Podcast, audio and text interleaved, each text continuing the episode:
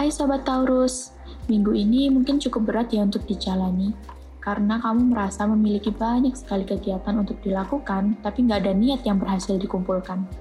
Coba deh tenangin dirimu dan jernihkan pikiranmu. Kedua hal itu adalah salah satu cara agar dapat mengembalikan jiwa produktifmu. Ayo, semangat ya!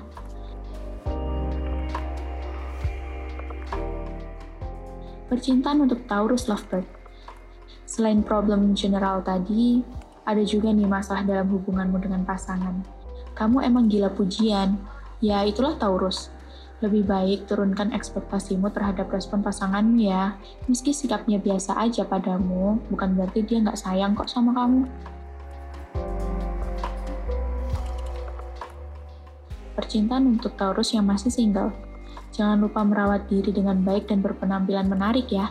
Mungkin cara bertemumu dengan calon gebetanmu kali ini ada di suatu tempat yang tidak kamu duga sebelumnya.